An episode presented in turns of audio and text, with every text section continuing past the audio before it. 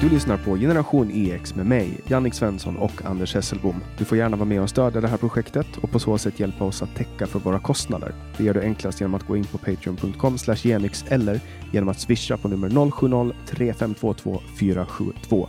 Länkar och nummer hittar du i beskrivningen eller på vår hemsida www.genyx.se. Vi släpper nya avsnitt alla fredagar året runt. Hej Anders! Så där ska en slipsten dras, Jannica. Jag är stolt över dig. Du har, du har gjort mig rörd. Det där var självsäkert och pricksäkert. Jag har gått runt en vecka nu efter och känt efter förra veckans reprimand som jag fick av dig här. Ja, det måste finnas en bortre gräns här. För ja, hur... nu känner jag att jag har nått den. Vet du, du är som han i P3 som sitter och viskpratar. Ja, alltså jag vet, jag vet inte vem du refererar till eftersom jag inte lyssnar på statsmedia. Klokt. Eh, det enda jag har sett med statsmedia på senaste var den här sjuka musikvideon som eh, Svenska nyheter gjorde där de hade massa opinionsbildare med. Det var otroligt. Politiker och opinionsbildare, för Annika Strandhäll var ju med och Hanif Bali var ju med. Och det är ju mm. etablissemanget får man ju nästan säga att de tillhör. Jag tyckte den var skitbra. Sen var det ju folk utanför också. Mm. Jean Frick till exempel. Ja, jag blev lite förvånad. Henrik Jönsson. Ja, Henrik Jönsson, men han är ändå ganska etablerad tycker jag. Nej, nu är det ju, det där är ju traditionell opinionsbildning. Han är ju inte etablissemanget. Ja, han är ganska etablerad menar jag. Alltså, där, jag, läste, ah. jag, var i en, jag var i en tweetväxling med Henrik mm. eh, på på Twitter då såklart, eftersom det var en tweetväxling. Jag blev så förvånad över, eh, alltså över folks reaktioner. Mm. Eh, jag ska ta fram det här. Det var en, en kille då, Tord Eriksson, at Tord på, på Twitter, som skrev den där filmen från Svenska nyheter verkar ju kul, men jag förmodar att alla begriper att den för Bali, Frick och Jönsson innebär flera jublande steg närmare normalitet. Men stopp och lägg här. Du, ja. nu, vill jag absolut protestera. Jag menar, man får väl hoppas att det är normalt att man samtalar med personer som sitter i riksdagen för oppositionen. Tord tycker inte. uh, alltså, det gör ju att man normaliserar honom. Jag svarade i alla fall och skrev mm. är Jönsson Henrik, alltså hans namn, Henrik Jönsson på Twitter, och Jönsson Henrik. Är, är Henrik Jönsson onormal? Vad menar du? Och då svarar Henrik Jönsson ganska skarpt. Sett till antalet egna läsare, lyssnare och tittare är väl risken större att jag, Hanif Bali och Jean Frick normaliserar SVT-humor än tvärtom. Tror dock folk är smarta nog att hålla isär participation och endorsement, alltså participation och mm. endorsement. Uh, och, och, jag tycker att det är ganska bra. Han, ja. han bara låter det där rinna av sig. Uh, jag menar, jag tycker inte att, att det är någonting underligt med Henrik Jönsson. Han ger sin vinkel på saker och ting och det måste han ju få. Ja! Ja, gud. Alltså, min uppfattning om videon... Jag, ska vi se om jag kan prata ungdomsspråk här, för jag tycker den är cringe. Jag gillar inte den sortens humor. Jag gillar mer att man faktiskt pratar och är rolig. Alltså mer Monty Python, att man kan vara rolig på det sättet. Biggest Dickus. Ja, men jag har förstått att ungdomar tycker att det är roligt när man antingen dansar och eller sjunger. Så det är ett bra sätt att vara rolig inför den yngre generationen och dessutom bjuda på politisk satir. Jag, jag tyckte det roliga med filmen var ju att alla var där. Ja. De hade fått alla att göra det. Jag menar, alla från, allt från Robert Aschberg till Göran Greider som sitter med sin tufs. Och, alltså, den enda som saknades var Tegnell. Han var den enda jag saknade i det där sammanhanget. Ja, det hade varit roligt om man hade fått med honom. Så absolut, hatten av. Och ja, men det var ju hemskt roligt att de gjorde det här. Men har du tänkt på, alltså det är ju inte bara Tord, Arbetet, tidningen Arbetet, de skrev ju väldigt upprört över det här. Och det som, det som... Vänstern i allmänhet gick väl igång på det. Ja, det som slog mig är ju att man har alltså gått från att nej, nej, nej, SVT tillhör inte vänstern, de är objektiva, till att va, släpper ni in oppositionen i SVT? Det är ju våran kanal. Så det gick över en natt från att bedyra att de är objektiva till att vara kränkta över att de är objektiva. Mm.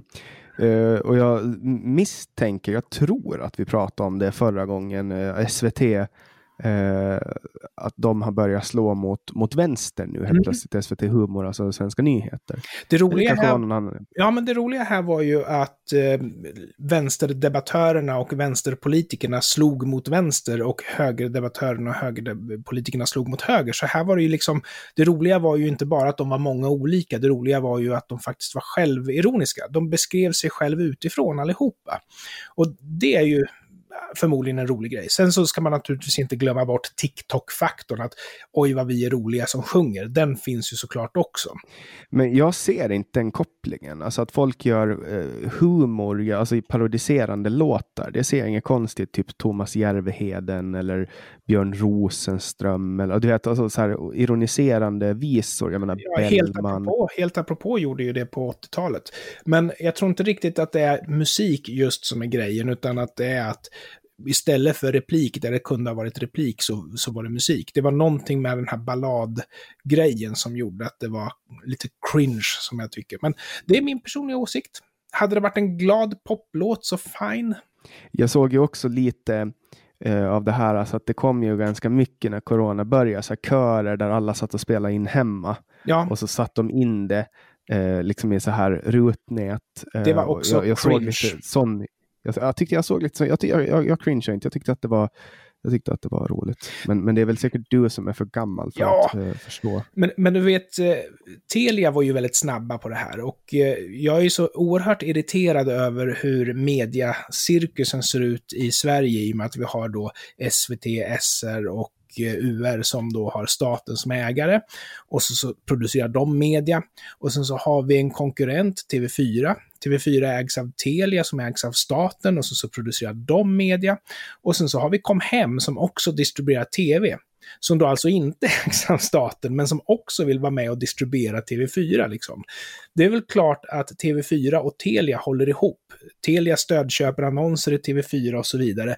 Medan kom hem, ja helt plötsligt så gick priset för att få ha med TV4 i deras utbud upp väldigt mycket. Liksom. Så vi har ju en väldigt korrupt situation. Och just Telia, de har ju marknadsfört sig med det här att ja, människor som sitter och tittar menande in i kameran över ett Skype-möte och sjunger något vackert. Liksom.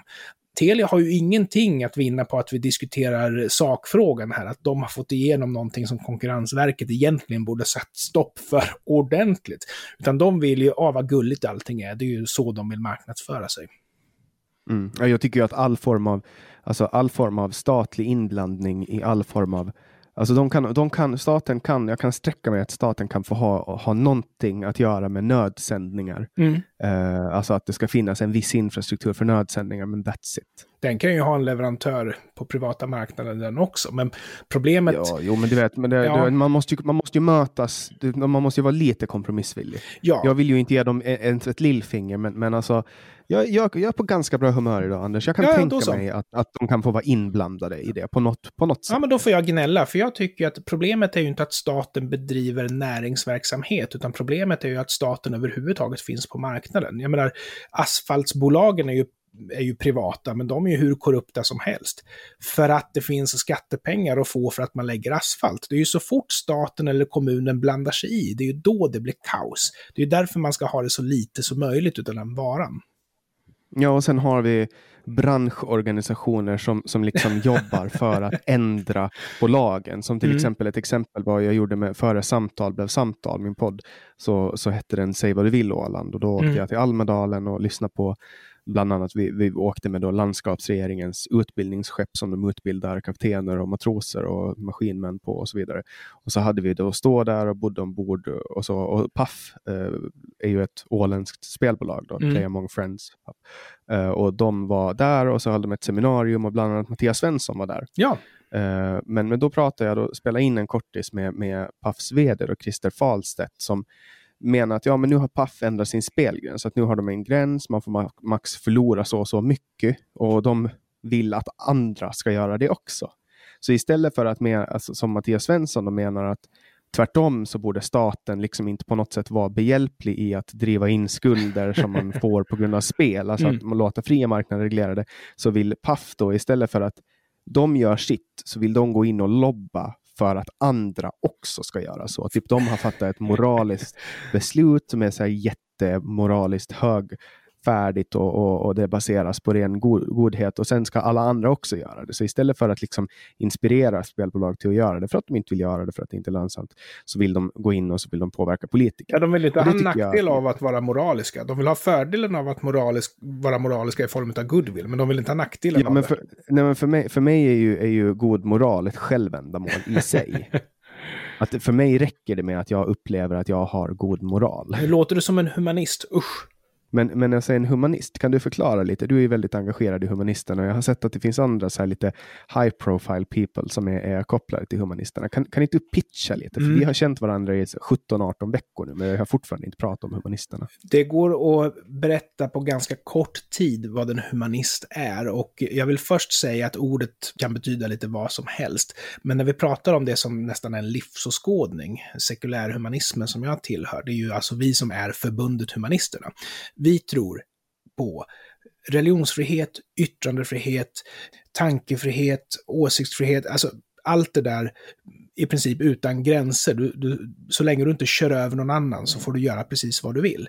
Och det andra som vi tror på, det är ju att människan är okränkbar. Och det tredje som vi tror på, det är att vetenskap är bättre än religion eller vidskepelse på att beskriva hur yttervärlden fungerar och är beskaffad. Det, det är de grejerna vi tror. Så vi anser ju att rätten att häda aldrig någonsin kan vara underordnad rätten att tro. Får man tro på Allah, då får man också bränna Koranen. Ska man förbjuda det ena så får man faktiskt också förbjuda det andra.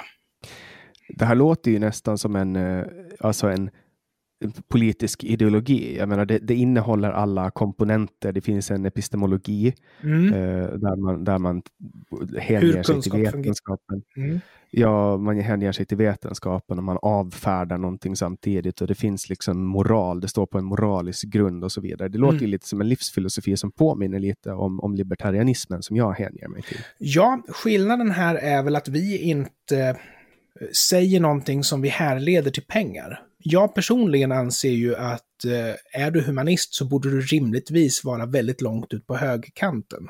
Eftersom det är ju på högerkanten du hittar den ekonomiska friheten. Alltså inte mm. den höger som du hittar i Sverige. För i Sverige... Ah, ni, har, alltså, ni, har liksom, ni har inte knutit er till ett specifikt eh, ekonomiskt system? Nej, det har vi inte gjort. Men jag kan ju tycka att det vore naturligt att göra det.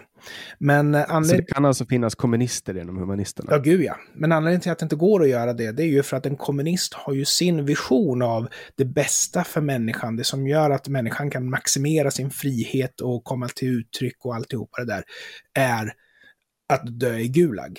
Så vi, vi kan liksom inte vara överens. Men vad är det, hur, hur man kollar på ett möte då, är det liksom vita heterosexuella män i medelåldern? Ja, tyvärr. Och det, där var, det där var så, det där är så, nu, nu, jag ironiserar ju kring det här. Ja. Eh, jag upplever ju att, att vita heterosexuella män i medelåldern ofta är samhällsintresserade. Ja. Eh, för all, alltså, män är i allmänhet mer intresserade av politik än kvinnor. Eh, det, jag vet inte varför. Nej, men det finns en tendens här inom eh, humanisterna och det är att den stora gruppen som är aktiv är eh, vita heterosexuella medelålders privilegierade män. Och den andra stora gruppen som är aktiv, det är ex-muslimska kvinnor till exempel. Det intresserar av någon anledning inte medelålders privilegierade kvinnor av någon anledning. Och jag menar 80 procent av, av våra medlemmar är män. Alltså, så det. Men för alltså, att det är före detta muslimer, har det att göra med att de kommer ut ur förtryck? Men jag, jag, tror att det har att göra med att de antingen kommer ut ur förtryck eller också vill komma ut ur förtryck eller också vill att andra ska befrias från förtryck. För eh, all form av religion, det är ju inte bara islam som är förtryckande, all form av religion är Ja, men Zulu är ju förtryckande. Vi har ju hjälpverksamhet där vi skyddar barn ifrån föräldrar som tror att de är häxor i, nere i djungeln, i bushen. Vi har hjälpverksamhet som går ut på att skydda albinos från att bli torkade och uppätna som potensmedel. Så, och jag menar, ingen av det här är ju varken kristet eller muslimskt, utan vidskepelse är farligt, punkt slut. Och sen... Ja. sen Och det finns ju, religion, religion är ju inte bara vidskeppelse, utan mm, det är ju en häxblandning av Ja. massa olika saker. Det är ju en Ja. moral, filosofi, det är i många fall ett ekonomiskt system, det är liksom legislativt. Alltså, det är en mix, men allting kondenseras ju ner i att jag är din ledare, jag vill kontrollera dig. Ja, det är alltid korrupt. Och när det gäller uppfattningen om hur verkligheten är beskaffad så är det alltid förljuget och falskt. En hypotes är vetenskaplig om den stöds. Men en hypotes blir inte religiös förrän vi verkligen vet att den är falsk, men vi ändå inte vill släppa den på grund av att vi kanske gagnas av det eller något sånt där. Att, att Jesus gick på vatten, ja men om det vore ett vetenskapligt påstående, då skulle vi reda ut det. Men då kommer de religiösa själva säga, nej det är ett religiöst påstående. Ja, varför är det religiöst? För att vi tror på det i ljuset av motstridig evidens. Mm. Men hur är det till exempel då med, med alltså runt, runt ett legislativt perspektiv? Lägger sig humanisterna i eh, moral, eh, lagstiftning i form av till exempel slöjförbud och sådana saker? Ja, vi har ju starka åsikter här. Tyvärr är vi ju inte enade. Men eh, vi har väldigt starka åsikter här och jag hoppas ju, eh, och jag jobbar ju för, att eh, sidan som propagerar för ett förbud ska vinna. Därför att jag ser det egentligen inte som ett förbud, utan jag ser det som att man i vissa situationer kan ha ett påbud om en viss klädsel, eller kanske att inte ha en viss klädsel. Och det handlar om att eh, vi behöver gemensamt lära oss eh, underkastelse som går emot kanske den personliga viljan eller klanledarens personliga vilja om sin klan för att kunna fungera som samhälle. Och vi har ju de här fallen på hon som tror att hon inte fick jobba på en flygplats för att hon bär slöja. Nej, hon fick inte jobbet för att de vägrade att underkasta sig de krav som ställdes på henne och hennes klädsel. Ja, och där gäller det ju också alla religiösa symboler. Ja. Du får inte ha ett, du får inte ha ett eh, kors runt halsen. Du får inte ha någon pin med en Davidsstjärna. Det, det finns Du ju får- grader i får- helvetet. Om du ska låtsas att du är objektiv och sitta och vara nyhetsuppläsare i statlig tv så ska du kanske inte ha Socialdemokraternas partilogga på kläderna. Men, och ska du då jobba som säkerhetspersonal på, på Arlanda så ska du kanske ha deras uniform på dig.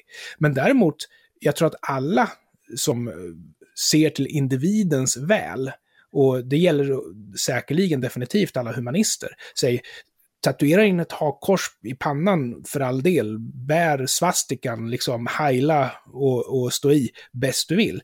På din egen tid. Men när kunderna betalar så finns du för kundernas skull. När staten betalar så finns du för medborgarnas skull. Man måste också kunna underkasta sig ibland för att samhället ska fungera helt enkelt. Vi kan inte bara ha anarki, vi måste kunna räta oss i leden ibland. Och... eh, Ja, jag vill ju ha anarki. Eh, ja, jag, tycker, det, jag, jag, tycker- det där låter konstigt i mina öron. Alltså, anarki, det skulle nog vara Ja. alldeles ut. Och att eh, till exempel inte småflickor har slöja. Jag, jag menar, småflickorna själva är ju ofta väldigt medgörliga. Om man förklarar för dem varför vi har en viss klädkod i skolan så kommer de säkert acceptera det. Men problemet är ju, Ja. problemet är ju Ja, i Sverige sen- att muslimska flickor har ju vakter. Och vakterna, det kan vara någon pojke som går i en annan klass, det kan också till och med vara personal på skolan. Det finns sånt fall där en eh, vaktmästare eh, ringde hem till familjen och skvallrade om att en flicka inte hade slöja och den flickan kom ju aldrig mer tillbaks efter det där. Va? Så vi måste ställa krav. Det som, som jag tycker när det kommer till den här slöjdebatten eh, är att man ser ju det i Sverige ibland. Barn i tre, fyra års åldern som går runt med slöja. Och när man kollar på slöjan som symbol och var den kommer ifrån, åtminstone så, som jag uppfattar det, så är det för att avsexualisera kvinnan. Eh, och jag tycker inte att ett barn är sexigt. Det finns Mm. ingenting sexigt med en fyra, ett fyra, femårigt barn. Jag, jag, jag ska Eh, gnälla Därför på... jag det... Mm. Kör. Jag ska gnälla lite grann på det du säger, för det, det handlar inte om att avsexualisera, utan det handlar om att man ska spara sig till sin man, att bara för min mans ögon. Och eh, ett barn är ju Alltså, de som är små och har slöja, de har det förmodligen för att de ska tränas på det. Men när du är liksom giftasmogen, när du är sexuellt mogen, och alltså typ nio år tror jag de räknar med, då ska du ha slöja. Men jag vill också samtidigt säga att det här gäller ju inte muslimer generellt. Det här gäller ju en liten grupp fundamentalistiska islamister. Och det lustiga är ju alltså att Eh, vi har ju haft svenska politiker som till exempel Mehmet Kaplan, hans fru hade ju slöja på sig. Men det finns inget generellt krav att muslimska kvinnor ska ha slöja. Och dessutom vill jag också säga att någonting som är ganska vanligt i Sverige, det är att uh, unga flickor börjar använda slöja efter att de har bott i Sverige ett tag, helt frivilligt. Därför att det är ett sätt för dem att tala om att nej men jag är inte en del av det svenska samhället, jag tillhör liksom min klan. Det är ett sätt att distansera får jag, sig. Får jag ifrågasätta det då? Ja, absolut. Det Hur vet du det? Ja, men det där har man gjort sådana här undersökningar på där man har frågat, så det finns en uppfattning. Och du har säkert sett på TV4 när det har bakats något sånt där, eller på något annat tv-program, att du kan se en snygg tjej som är väldigt välsminkad och har slöja. Hade det handlat om Mm. avsexualisering så var det ju sminket det första man skulle ta bort, självklart. Det handlar inte om det. Men, Men ett ledande argument som jag möter, i alla fall när jag pratar om slöja med, med muslimer, det är att, att eh, det är för att man inte ska fresta.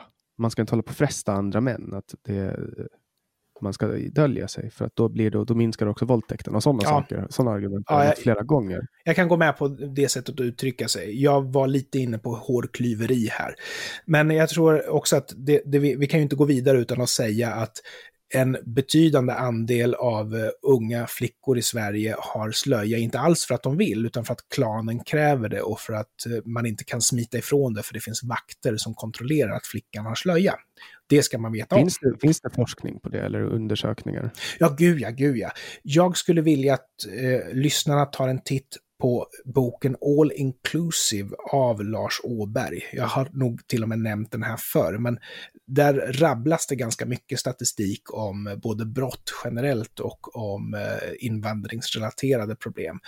Det är alltså inte en dömande bok, det är en problemlösande bok, men eh, den presenterar ju väldigt mycket fakta väldigt ofiltrerat, så den är bra att ha. Och han är ju för övrigt en, en som har varit engagerad i just humanisterna som har skrivit den här boken.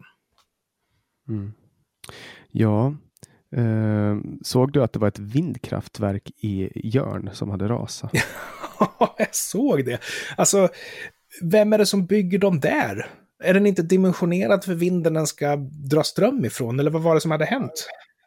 Jag vet inte, det kan ju vara klimatförändringar som gör att det blåser hårdare nu än när man byggde det. Jaha? Ja, men Men tror... alltså, du, du förstår väl att jag, jag ironiserar ju lite nu. Nej men alltså när man bygger en bro i allmänhet Ja. till exempel, då bru- brukar man ju bygga den flera gånger starkare än vad den behöver vara. Ja, det är klokt. Och det här, eh, de, nu ska de såklart utreda vad det är som har hänt, men jag blir så här, hur kan ett alltså 100 meter, fan 200 meter högt vindkraftverk falla? Alltså det låter ju farligt. Eh, 100 meter är inte lite. Jag brukar alltid jämföra med vårt vattentorn Svampen som är en turistupplevelse här i Örebro. Att står man på balkongen på Svampen så står man 70 meter upp i, i luften. Och det är fasiken ganska otäckt kan jag säga. Mm. Och det här var då 230 meter alltså. Oh, ja, och att få en sån där järnrör i huvudet, det, det skulle nog inte vara det trevligaste man har gjort i sitt liv kan jag tänka. Nej, och sen, sen är det ju inte ofta folk står och hänger där. Och, och, och jag menar, hänger man där i sån här en extrem jävla blåst, då får man ju nästan skylla sig själv om man får ett vindkraftverk i huvudet. Nej, man har Men man rätt att vara vad man vill på allmän plats. Ja, men jag tror inte man får vara under Okej. ett vindkraftverk. Då så. Tror, eller? Nej, jag har Jag ingen aning. åtminstone en area på Jag bor i 500 stan, så jag vet runt. inte. Ja, nej, jag har väl inga vindkraftverk där.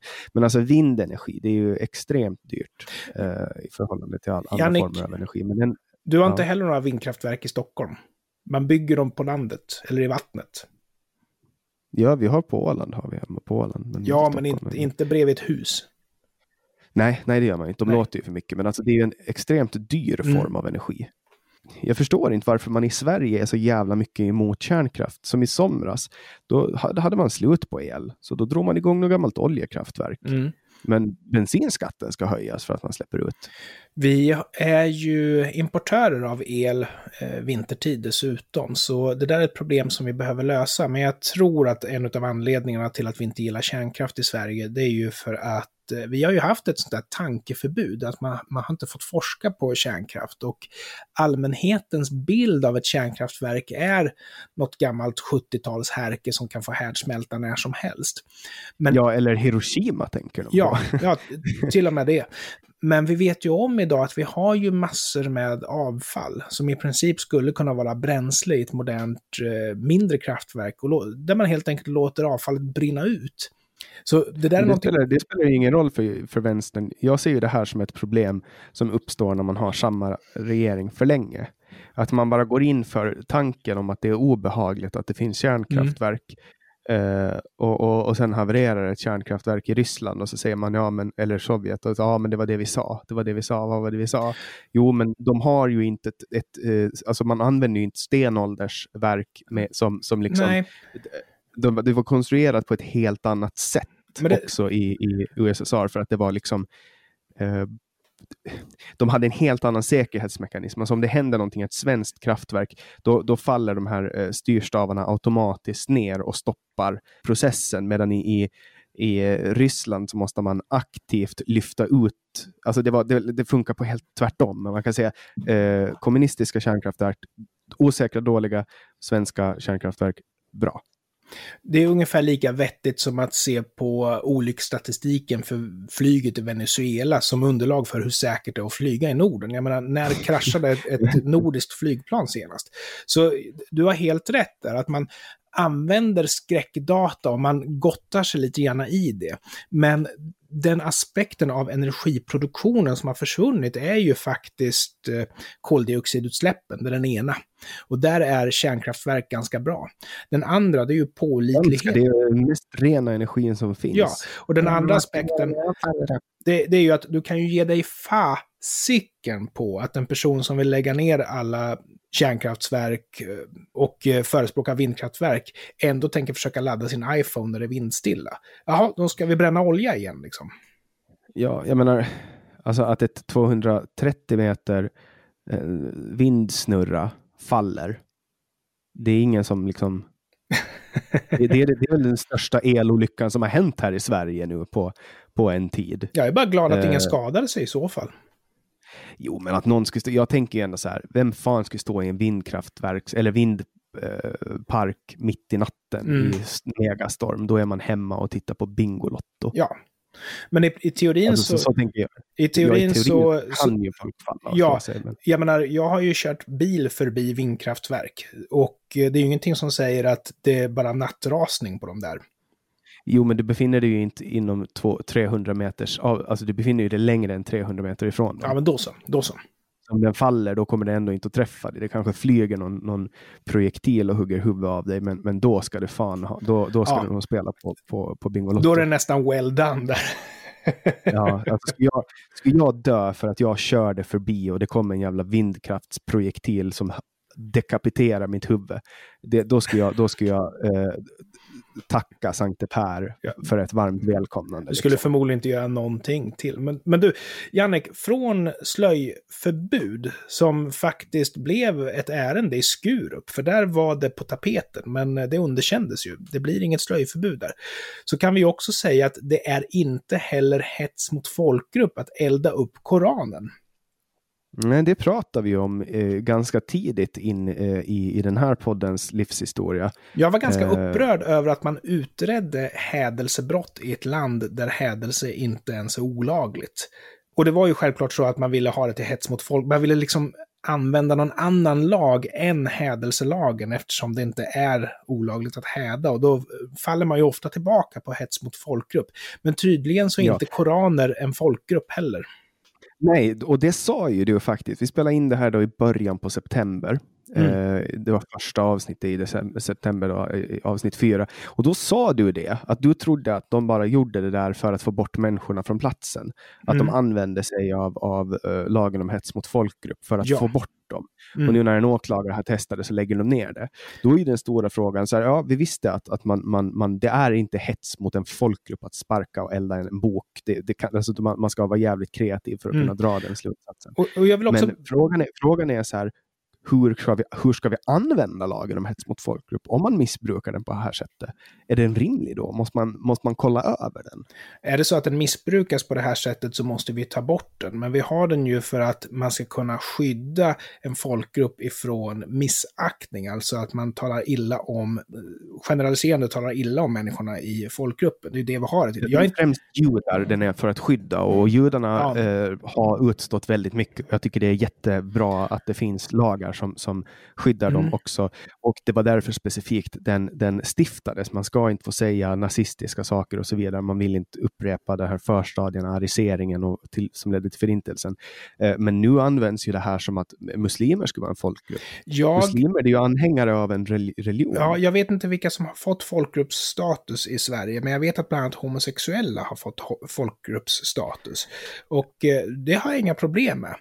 Men är det så att man drar det här för långt, då kommer vi komma i ett läge där Miljöpartiet blir ett olagligt parti eftersom nynazisterna i NMR blir kränkta av deras politik. Och då måste vi låsa in alla miljöpartister i fängelse. Liksom. Det går inte att hålla på sådär, utan man måste säga att jag har ett visst ansvar att om ingen kränkning riktas mot mig som person, att inte bli kränkt. Därför att jag måste, få, jag måste få racka ner på din bästa popgrupp. Jag måste få säga att din politiska tillhörighet är helt åt helskotta. Men är det så att jag säger att finnar är allmänt korkade och finnar har folkgruppsstatus, så fine, då har vi en issue. Men jag måste ju få säga vad jag vill om en finne för det. Ja, men alltså, och jag tänker så här, alltså sånt där straffar ju sig själv. Ja. Om du skulle gå runt och säga till alla vad du tyckte och tänkte om olika saker, då skulle inte du bli så värst populär. Jo, det skulle alltså, jag, men om en person Hej, jag heter dåliga... Anders och jag hatar fotboll. Hej, jag heter Anders, fotboll är tråkigt. Och så jag skulle visst bli populär jävla... om jag gick runt och sa vad jag tyckte och tänkte om saker och ting. Men du, du tänker på en sannfinländare eller något sånt där. Nej, men jag tänker så här omtyckt. Tänk om du skulle sitta på en jävla kaffebjudning, du var hemma på något kalas och så skulle du börja berätta vad du tyckte om, om kontroversiella saker helt utan anledning. Liksom. Och, och, du ska aldrig hålla käften om det. Det betyder ju inte att bara för att man får säga att man tycker att Koranen är dum och att den ska eldas och sparkas på, så betyder det inte att man tar med sig en Koran och ställer sig utanför en Men moské. Du har helt fel. Du har helt fel. Det här är en fråga om kontext. Om jag är hemma hos någon för att dricka kaffe så är jag ju där för att umgås och ha trevligt. Men sen kan jag ju säga precis vad jag vill om Koranen i, i Närkes Allehanda eller på min blogg. Eller på Absolut, YouTube. men jag menar, jag menar att bara för att man får säga att Koranen är dum, så, behöver, så, är, så är det ju inte rimligt att man går runt och säger det hela tiden, för då kommer man ju att få ganska mycket, alltså man får ju social bestraffning helt enkelt. Ja, men det är en fråga om kontext. Säg så här, Jan, Jannik, ta bort den här missbedömningen av sammanhang helt och hållet, och så säger vi att bara för att man inte får säga att eh, Koranen är dålig så liksom, bla bla bla. Det är ju en fråga om kontext. Om jag vill säga att Koranen är dålig i ett sammanhang där den frågan debatteras, då ska jag ju 17 få göra det. Och det är ju de som blir... Absolut, absolut. Och det är, det är kontext. Men... Om, om jag sitter och predikar på ett kaffekalas, då är ju inte mina åsikter som är problemet, utan då är ju min sociala förmåga som är helt trasig. Exakt, och det var det. Oj, nu gäspar jag. Jag fick kritik för att jag gäspade i en podd en gång. Um, jag ska jag pipa det där kanske, eller? Ja, om du vill. Du kan ha kvar det också. Jag kan berätta det för det är lite roligt. Jag fick ett meddelande med en person som skrev att hej, jag har just lyssnat på ditt samtal med Maria Holen och jag tycker att du gäspar väldigt mycket där under det avsnittet. Så och, och, då, då så här, och jag tog åt mig liksom kritiken och så, här, men, och så liksom tänkte jag så här, ja, nu ska jag på något ödmjukt sätt försöka förklara att jag jobbar heltid eh, och jag studerar heltid och, och är hundpappa. Så att, det, alltså att man, jag hinner inte både spela in en podd och klippa en podd och jobba en hel dag och studera en hel dag, utan då får poddarna gå ut som de är. Liksom. Eh, jag, har inte, jag har inte pengar som Navid Modiri som kan ha någon som klipper dem åt honom. Eh, så det var om gäspningar. Men jag tänker bara för att knyta ihop säcken och lite snyggt, eh, som jag börjar bli känd för nu enligt mig själv i alla fall, eh, glida över till nästa ämne, att man borde ju kunna vaccinera sig mot eh, fundamentalism. Det, det skulle vara jättefint om man kunde hitta, på, hitta något sätt där vi kunde vaccinera folk mot extremism. Eh, så att jag, jag, ja. jag, vill säga en grej till. Och kom ihåg din fina segway nu. Men jag vill okay. också säga att självreglering finns ju. Därför att när en vänsterpolitiker ska upp och argumentera för varför vänsterpolitik är bra, så kommer de som läser den argumentationen förstå att det här är löjeväckande dåligt. Där har du riktig självreglering. Ursäkta, ja. Vaccineras. Ja, jag gäspar här. Men vi, vi, kör, vi, vi kör. Jag tycker man borde kunna vaccinera sig mot att bli nazist eller fundamentalism eller islamist eller, eller kommunist eller all, allt sånt som är extremt.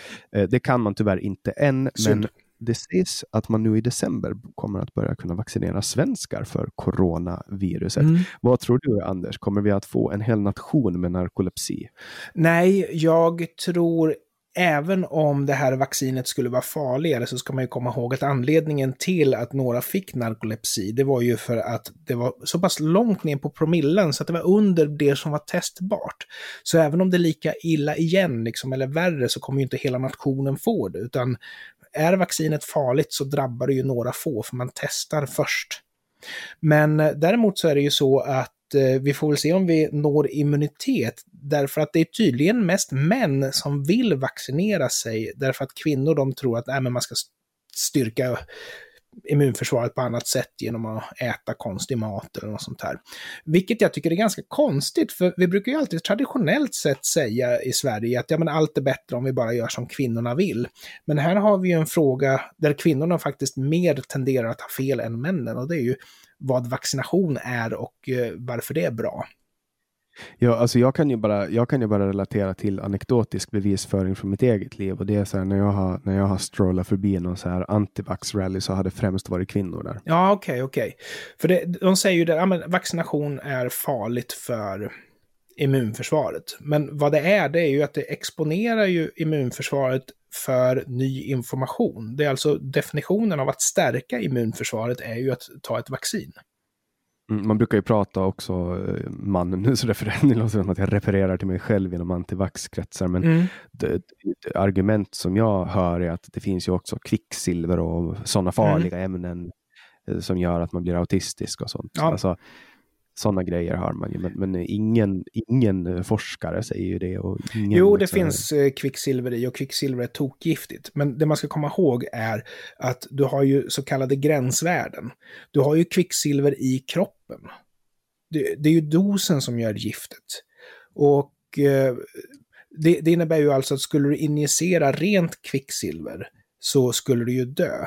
Men här är det ju spårpartiklar och spårpartiklar kan man tillåta upp till en viss gräns eftersom de ändå finns i kroppen. Så du kan ju till och med tänka att du, även om du får färre andel kvicksilveratomer i kroppen efter en injektion så kan du ändå fått in kvicksilveratomer om, om man ser så. Så det, allting handlar om gränsvärden. Och det är ju mm. därför du kan äta järn utan att dö, men skulle du äta rent järn så skulle du dö. Därför att det är dosen mm. som gör giftet. Ja, och det är också därför som man aldrig ska äta eh, termometrar från 70-talet. Så om ni någon gång funderar på det, ni hittar en gammal termometer på någon släktingstuga och känner att fan nu är jag lite hungrig. Don't eat it. It's dangerous. Men det är väldigt Mercury. roligt att leka med, men, men som sagt det är väldigt, väldigt farligt. Och du ska ju helst inte få in ja, ditt sår också. Barn lekte ju med kvicksilver, så mm. var det ju förr i tiden. Man, man lekte med det, just det. Den klassiska det var, var ju att man ville vara hemma från skolan och satte termometern mot lampan. Det var ju glödlampor på den tiden, så de var ju liksom 100 grader varma. Och sen så höll man för länge så att den exploderade, så, så var det glassplitter och kvicksilver i en härlig blandning över hela sängen. Liksom. Hur får man upp kvicksilver då från Ja, det, det blir ju till att dammsuga. Eller ja. sopa. Om ja. inte dammsugaren är stark nog. Ja, så om ni eh, är på en stuga och råkar få ett sår och hittar en termometer och tänker desinfektera med kvicksilver, eh, blanda inte ihop kvicksilver med kollodialt silver. Det kan ni desinfektera med. Eh, inte kvicksilver. Jo. Du kan ju inte desinficera med det eftersom det inte... Det är ju, det är homopatiskt. Nej, kvicksilver, nej men eh, kollodialt silver ja. kan användas för desinfektering. Ja, desinfektion. Det, det, är enda, ja, det är enda det, är enda det har liksom. Jo, och du har ju Whirlpools gamla tvättmaskiner, men det, det, har ju blivit olagligt att använda utanför industrin för att det är så oerhört giftigt. Men det som de här tokstollarna häller i sig, det är ju homopatiskt. Ja, nej, det får man inte göra. Man kan, man kan inte dricka det. Nej, du dör om du dricker silver. riktigt kollodialt silver, ja. Så här, kollodialt silver, det är akt, alltså antimikrobiellt. Mm. Så att det, det, det är liksom, du kan använda det eh, eftersom det är bakteriedödande. Ja. Det kan vara bakteriedödande. Det är. Och, och, det har man använt, det är. Ja, men jag bara säger, jag bara lägger in en liten sån där, bara för att vara säker. Don't drink it.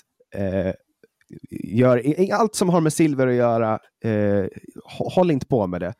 Eh, och, för nu måste jag gå. Eh, du kände att du hade en lång diskussion framför dig här och du vill inte ens börja den, så den sparar vi till nästa avsnitt. ja, för både du och jag har planer och, ja. och, och så. så att vi, vi, vi, träffas ju nästa vecka igen och då ska vi prata bland annat om, om ett bolag som ligger mig nära hjärta, Viking Men mer om det får ni höra i nästa veckas avsnitt av Generation YX som du har lyssnat på med mig, Jannik Svensson och Anders Hesselbom. Du får gärna stödja det här projektet genom att föra över pengar till oss på 070 3522472 om du använder Swish eller Paypal funkar också. Eller patreon.com genyx. Länkar och nummer hittar du i beskrivningen till det här avsnittet eller på vår hemsida www.genyx.se. Du får också gärna gå med i vår Facebookgrupp, Generation EX-gruppen, där du får hålla lite låda. Jag är ganska dålig på det, men jag ska bli bättre. Jag säger så varje dag. Tack Anders. Tack så mycket. Hej då.